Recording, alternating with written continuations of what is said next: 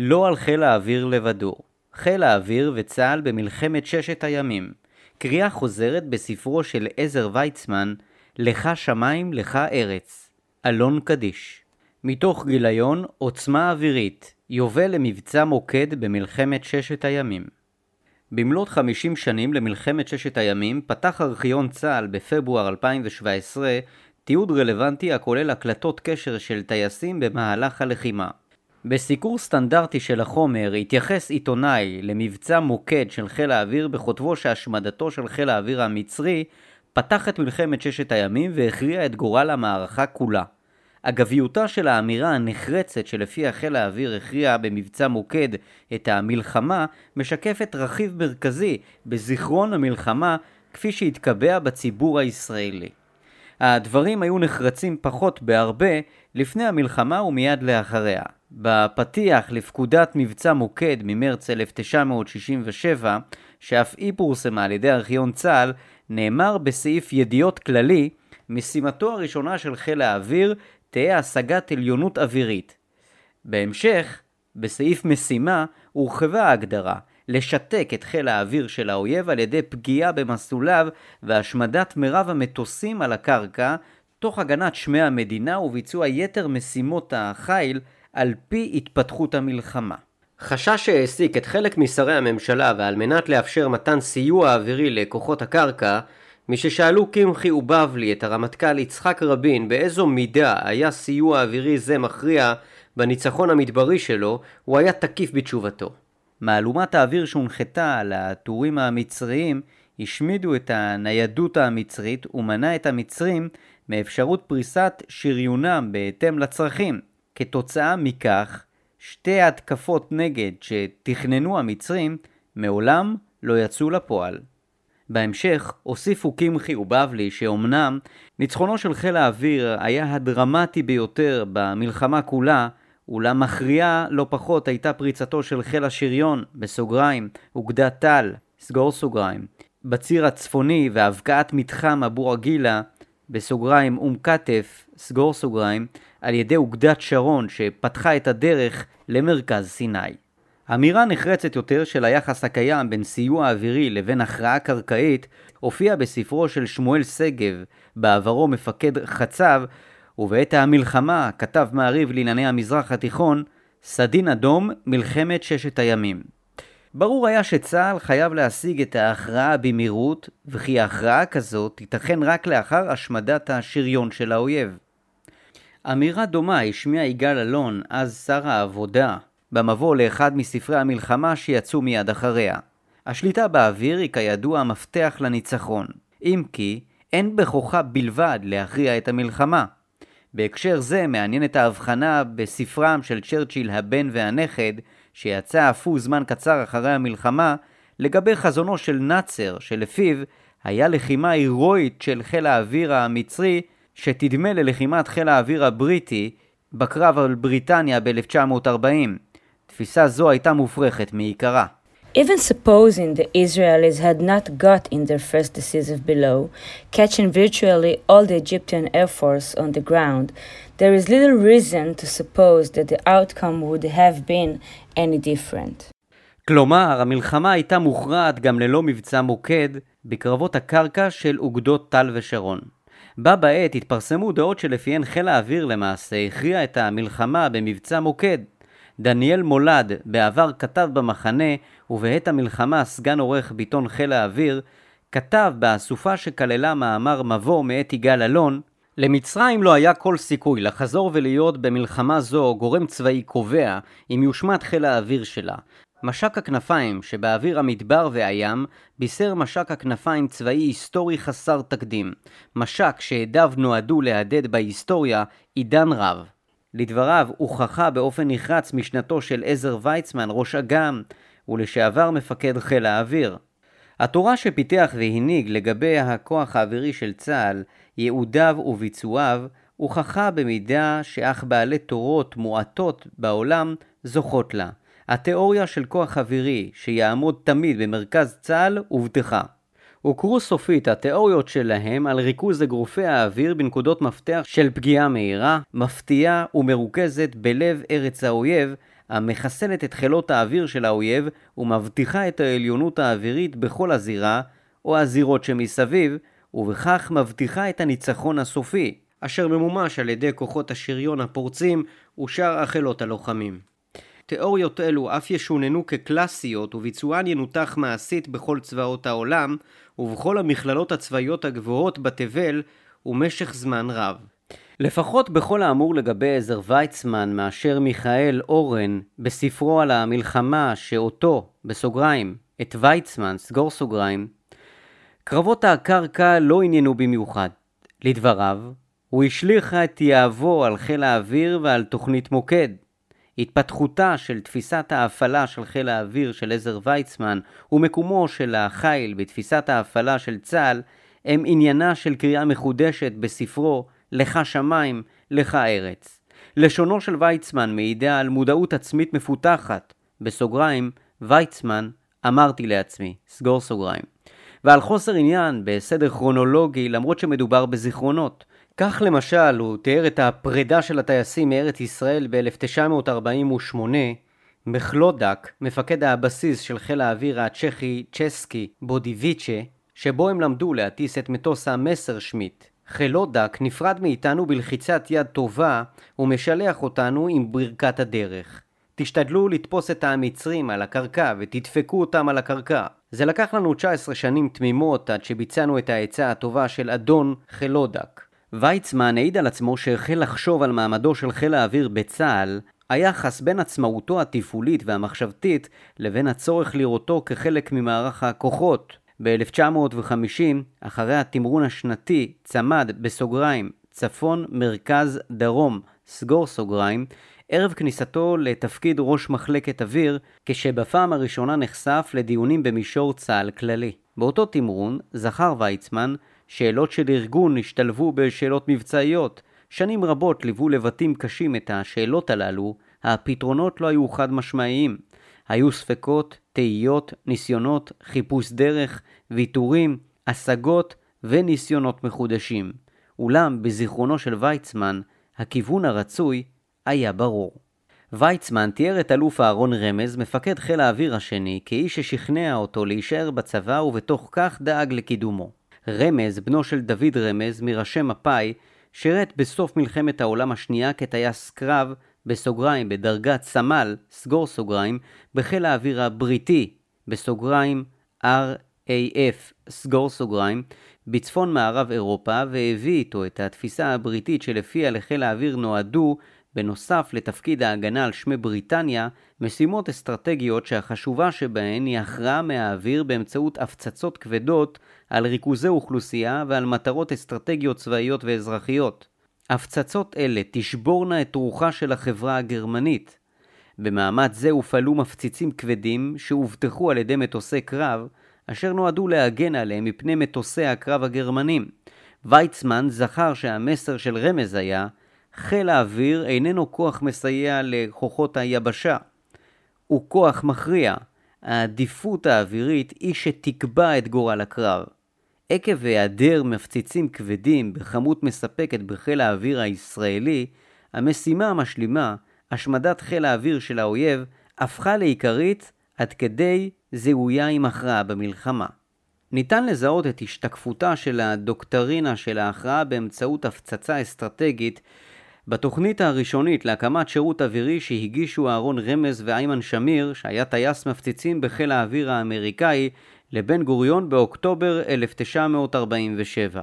הצעתם הייתה לחלק את חיל האוויר לכנפיים של טייסות קרב שישרתו את הצרכים של פיקודים מרחביים ולכנף של מפקדת החיל שתכלול טייסות מפציצים. תפקידי החיל יכללו משימות טקטיות, מטרות מערכתיות כמו בידוד שדה הקרב ופגיעה בקווי התחבורה של האויב, וכן פעולת הטרדה ועונש על ידי התקפת ריכוזי יישוב בעורף האויב. ויצמן הגיע לדבריו למסקנה בעקבות תמרון צמד שהניסיון של חילות האוויר האמריקאי והבריטי מצדיקים את התביעה לעצמאותו של חיל האוויר. עמדתו אינה מעידה על לימוד יסודי של הנושא. ההפצצות הקונבנציונליות של חילות האוויר של בעלות הברית באירופה לא הכריעו את המלחמה, והחשיבות שיוחסה למשימות העצמאיות של מטוסי הקרב בהשגת עליונות אווירית, בהגנה על בריטניה מפני חיל האוויר הגרמני ובהבטחת המפציצים בהתקפותיהם על מטרות באירופה, באו על חשבון תשומת הלב למשימות חיל האוויר בקרב המשולב בסיוע ישיר לכוחות הקרקע. לקחים שנלמדו במדבר המערבי בסיוע קרוב לא היו לנחלת חיל האוויר בכלל, ובעלות הברית נאלצו ללמוד שוב את תורת הסיוע האווירי הקרוב תוך לחימה במערב אירופה, אחרי הנחיתה בנורמנדי. המעמד העצמאי שנקבע לחיל האוויר הבריטי ב-1918 ולחיל האוויר האמריקאי ב-1948 לא ביטלו את ההכרה בחשיבותן של משימות הסיוע הישיר גם כאשר המשמעות הייתה פיצול ארגוני. ויצמן הניח שהמניע היחיד להתנגדותם של אנשי הקרקע להשוואת מעמדו של חיל האוויר היה כדי לשמר בידיהם את מעמד הבכורה שלהם. להבנתו, הם סבלו מקצת קנאה שהתבטאה ברצון להנמיך מעט את אפיהם של הטייסים. הוויכוח הגיע לשיאו כאשר רמז דרש עבור חיל האוויר עצמאות מסוימת, ולהכרה בעדיפות צרכיו לעומת זרועות אחרות, כולל תקציבים בלתי שגרתיים לרכש ולהתעצמות.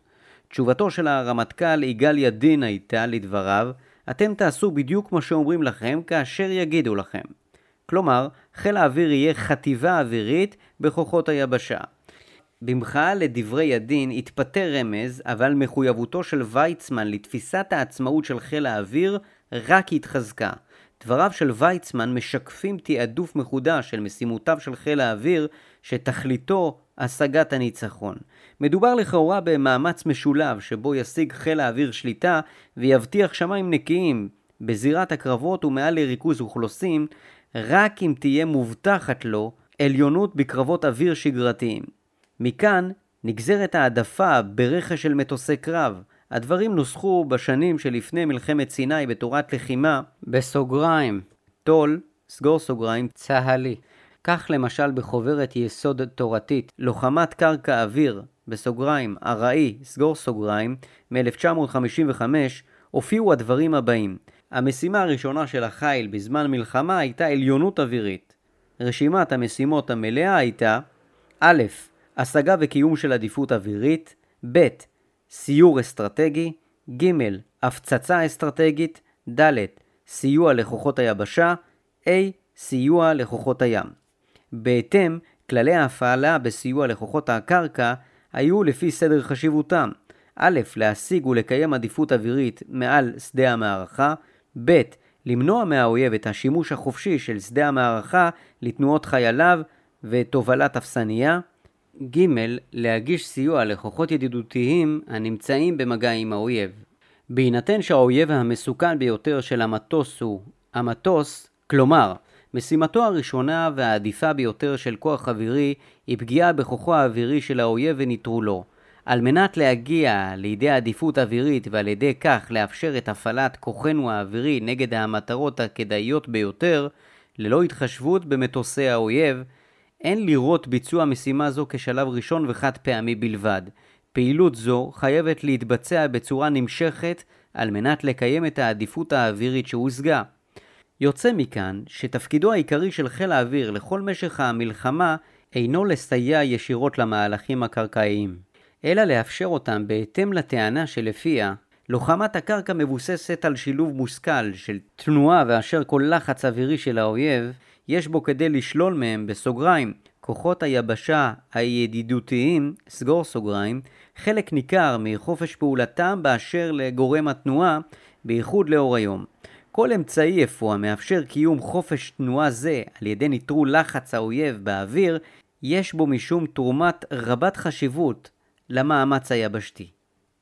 החשיבות העליונה שיוחסה להשגת עליונות אווירית באמצעות מטוסי קרב באה לידי ביטוי בהתעקשותו של ויצמן כמפקד חיל האוויר על רכישתם של מטוסי המיראז' למרות שכושר הנסיעה שלהם היה נמוך ושכושרם בסיוע ישיר לכוחות הקרקע היה מוגבל. למונח ארטילריה מעופפת לא היה מקום בתפיסה זו.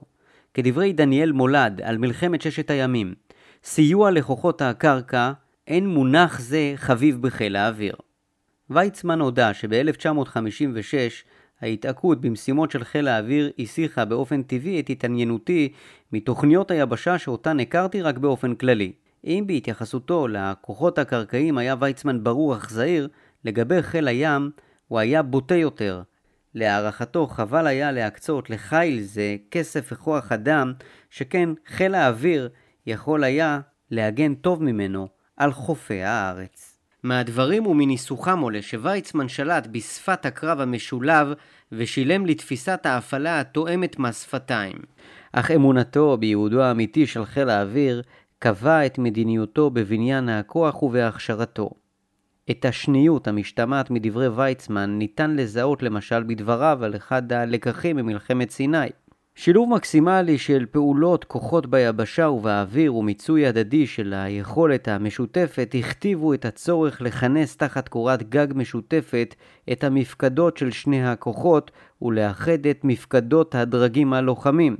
כאילו הקמת מתחם מפקדת חיל האוויר בתחומי מחנה הקריה בתל אביב הייתה מיצוי של עיקרון הקרב המשולב. אשר לאחדות הפיקוד, הטול האווירי הדגיש תיאום ושיתוף פעולה, אבל פיקוד עצמאי. משמעותה של השליטה המרכזית היא שאין להקצות כוח אווירי לצורכי לוחמת קרקע אוויר תחת פיקוד אחר, ואין להטיל על הכוח האווירי משימות אשר תגרומנה לאיבוד השליטה המרכזית, ולו רק לזמן מה. שילוביות מיטבית חייבה לפי אגד תורת הקרב הפעלה של מכלול האמצעים הזמינים על ידי מפקד אחד. לפי התורת לחימה, כל מפקד חייב להפעיל את אמצעיו במשולב, כדי שיתרונותיו של אמצעי לחימה מסוג אחר ישלימו את מגבלותיו של אמצעי הלחימה מסוג שני, במגמה עיקרית שהאויב יקבל את המהלומה המוחצת ביותר. שילוביות נוסח ויצמן הייתה הפעלה נפרדת למטרה כללית משותפת, ניצחון. אין מלחמה בלי חיל האוויר ואין להשיג הישגים אם חיל האוויר אינו משמיד את חילות האוויר של האויבים כדי להבטיח שליטה מלאה בשמיים, ואין ניצחון חד משמעי וקולע, אלא אם כן יכולים כוחותינו היבשתיים לפעול ללא אימת מטוסי האויב, וכי כוחות היבשה שלנו אינם יכולים לשהות במהירות, אלא כאשר חיל האוויר שלנו נלחם לצידם במלוא כוחו. וכן, מהירות תנועת השריון שלנו לקביעת עובדות בשדות הקרב מותנית בעוצמת חיל האוויר על שני תפקידיו. מניעת התקפות אוויר על כוחות היבשה שלנו ויכולתנו להנחית מהלומות אוויר על כוחות היבשה והשריון של האויב לשיבוש תנועותיהם ומהלכיהם. גם כאן, בד בבד עם נוסחאות תורת הקרב המשולב, עולה מהמשך דבריו של ויצמן תפיסה אחרת לגבי השימוש בחיל האוויר להכרעה טרם המפגש היבשתי, עד כדי עיוות בדיעבד של מהלך מלחמת ששת הימים. שליטה באוויר, בסוגריים, בסיני, סגור סוגריים, ללא סכנה של מיגים, על ידי השמדה מוקדמת של מטוסי האויב או על ידי הרתעתם מפעולה, מאפשרת למטוסינו לקטול את כוחות היבשה של האויב עוד במצב התארגנות שלהם לפני הגיעם אל זירת הקרב. כך בדיוק קרה במלחמת ששת הימים. גרסה זו של מהלך המלחמה טעמה באופן חלקי את התרחיש שהוצג בתורת הקרב, אשר לפיו חיל האוויר יכול אמנם להוסיף מעוצמת האש שלו על האויב ולהגביר בכך את עוצמת האש הכללית של כוחות היבשה המשתתפים בקרב. אבל למרות שלפעולה זו נודעת חשיבות רבה, אין בה שינוי מהותי מכריע לעומת אמצעי הלחימה היבשתיים. לעומת זאת חיל האוויר יכול לשתק כמעט כליל את אפשרות התנועה והתמרון של כוחות היבשה. לפעולה זו של חיל האוויר יש השפעה מכרעת על הלחימה ביבשה, כי צד שיש לו עדיפות באוויר עשוי לשתק כמעט כליל את אפשרות התנועה של האויב, ועל ידי כך ליצור את התנאים המוקדמים להכרעת האויב. כדי שחיל האוויר יוכל לתרום תרומה מכרעת לקרב היבשה, וכדי למנוע בעד חיל האוויר של האויב לשתק את תנועתנו, ישאף חיל האוויר קודם להכריע את חיל האוויר של האויב, ורק לאחר מכן להשתתף בפועל בהכרעת האויב בקרב היבשה. חלוקת המשימות העיקריות של חיל האוויר לשני שלבים נפרדים ועוקבים בסדר שהוא חמור ומחייב, אפשרה להגדיר באופן חד משמעי את מדרג החשיבות והקדימות שלהם. אין סיוע מסיבי של חיל האוויר למאמץ הקרקעי עד שתושג עליונות אווירית מוחלטת על ידי השמדת חיל האוויר של האויב. ההכרעה במלחמת ששת הימים בסיני הייתה בשני קרבות הבקעה אוגדתיים של אוגדת טל, בסוגריים 84, סגור סוגריים, בציר הצפוני, ושל אוגדת שרון, בסוגריים 38, סגור סוגריים, באום כתף, בציר המרכזי. בשניהם, השתתפות מטוסי חיל האוויר הייתה מינורית ביותר באמצעות מטוסי אימון מסוג פוגה מג'יסטר שחומשו ברקטות ותקפו סוללות תותחים. רק ביום המלחמה השני, אחרי שהמערכים הקרקעיים של המצרים בקדמת סיני נפרצו, פעל חיל האוויר נגד הצבא המצרי בתוקפו כוחות שנעו בצירים מהתעלה מזרחה. מפקדי הטייסות לא השתתפו בנוהל הקרב היבשתי ולא הכירו את היעדים הקרקעיים. רן פקר, מפקד טייסת מיראז'ים, בסוגריים 201, סגור סוגריים, במלחמה, העיד שבחודשי ההמתנה עסקנו בטייסת בשני נושאים בעלי חשיבות רבה, טיסה בגובה נמוך מאוד והארגון והניהול המבצעי של הטייסת. יוצא מן הכלל בלתי פורמלי היה הסידור של רפאל איתן בסוגריים רפול סגור סוגריים, מפקד חטיבת הצנחנים הסדירה בסוגריים 35 סגור סוגריים, עם מפקד טייסת המיראז'ים שלנו, ותיק, שאם הוא שומע בקשר קרקע אוויר את המילים חומצה אדומה, הוא מתפנה מכל עיסוק אחר וחש אליי. כפי שאומנם קרה בשלב מתקדם של הקרבות, אחרי הלחימה ברצועת עזה כשהחטיבה נעה מערבה לכיוון התעלה. לטענת התרומה המכרעת של חיל האוויר לאפקטיביות של כוחות הקרקע, הוסיף ויצמן הצדקה נוספת להתמקדות הבלעדית של חיל האוויר בהשמדת חיל האוויר המצרי, בסוגריים, ואחריו הירדני והסורי, סגור סוגריים, ולשמירה על העליונות האווירית, לטענתו, זו למעשה הדרך הפעולה היחידה הפתוחה בפני חיל האוויר מעצם מהותו, כאשר כל כוחו של המטוס הוא בתוקפנותו.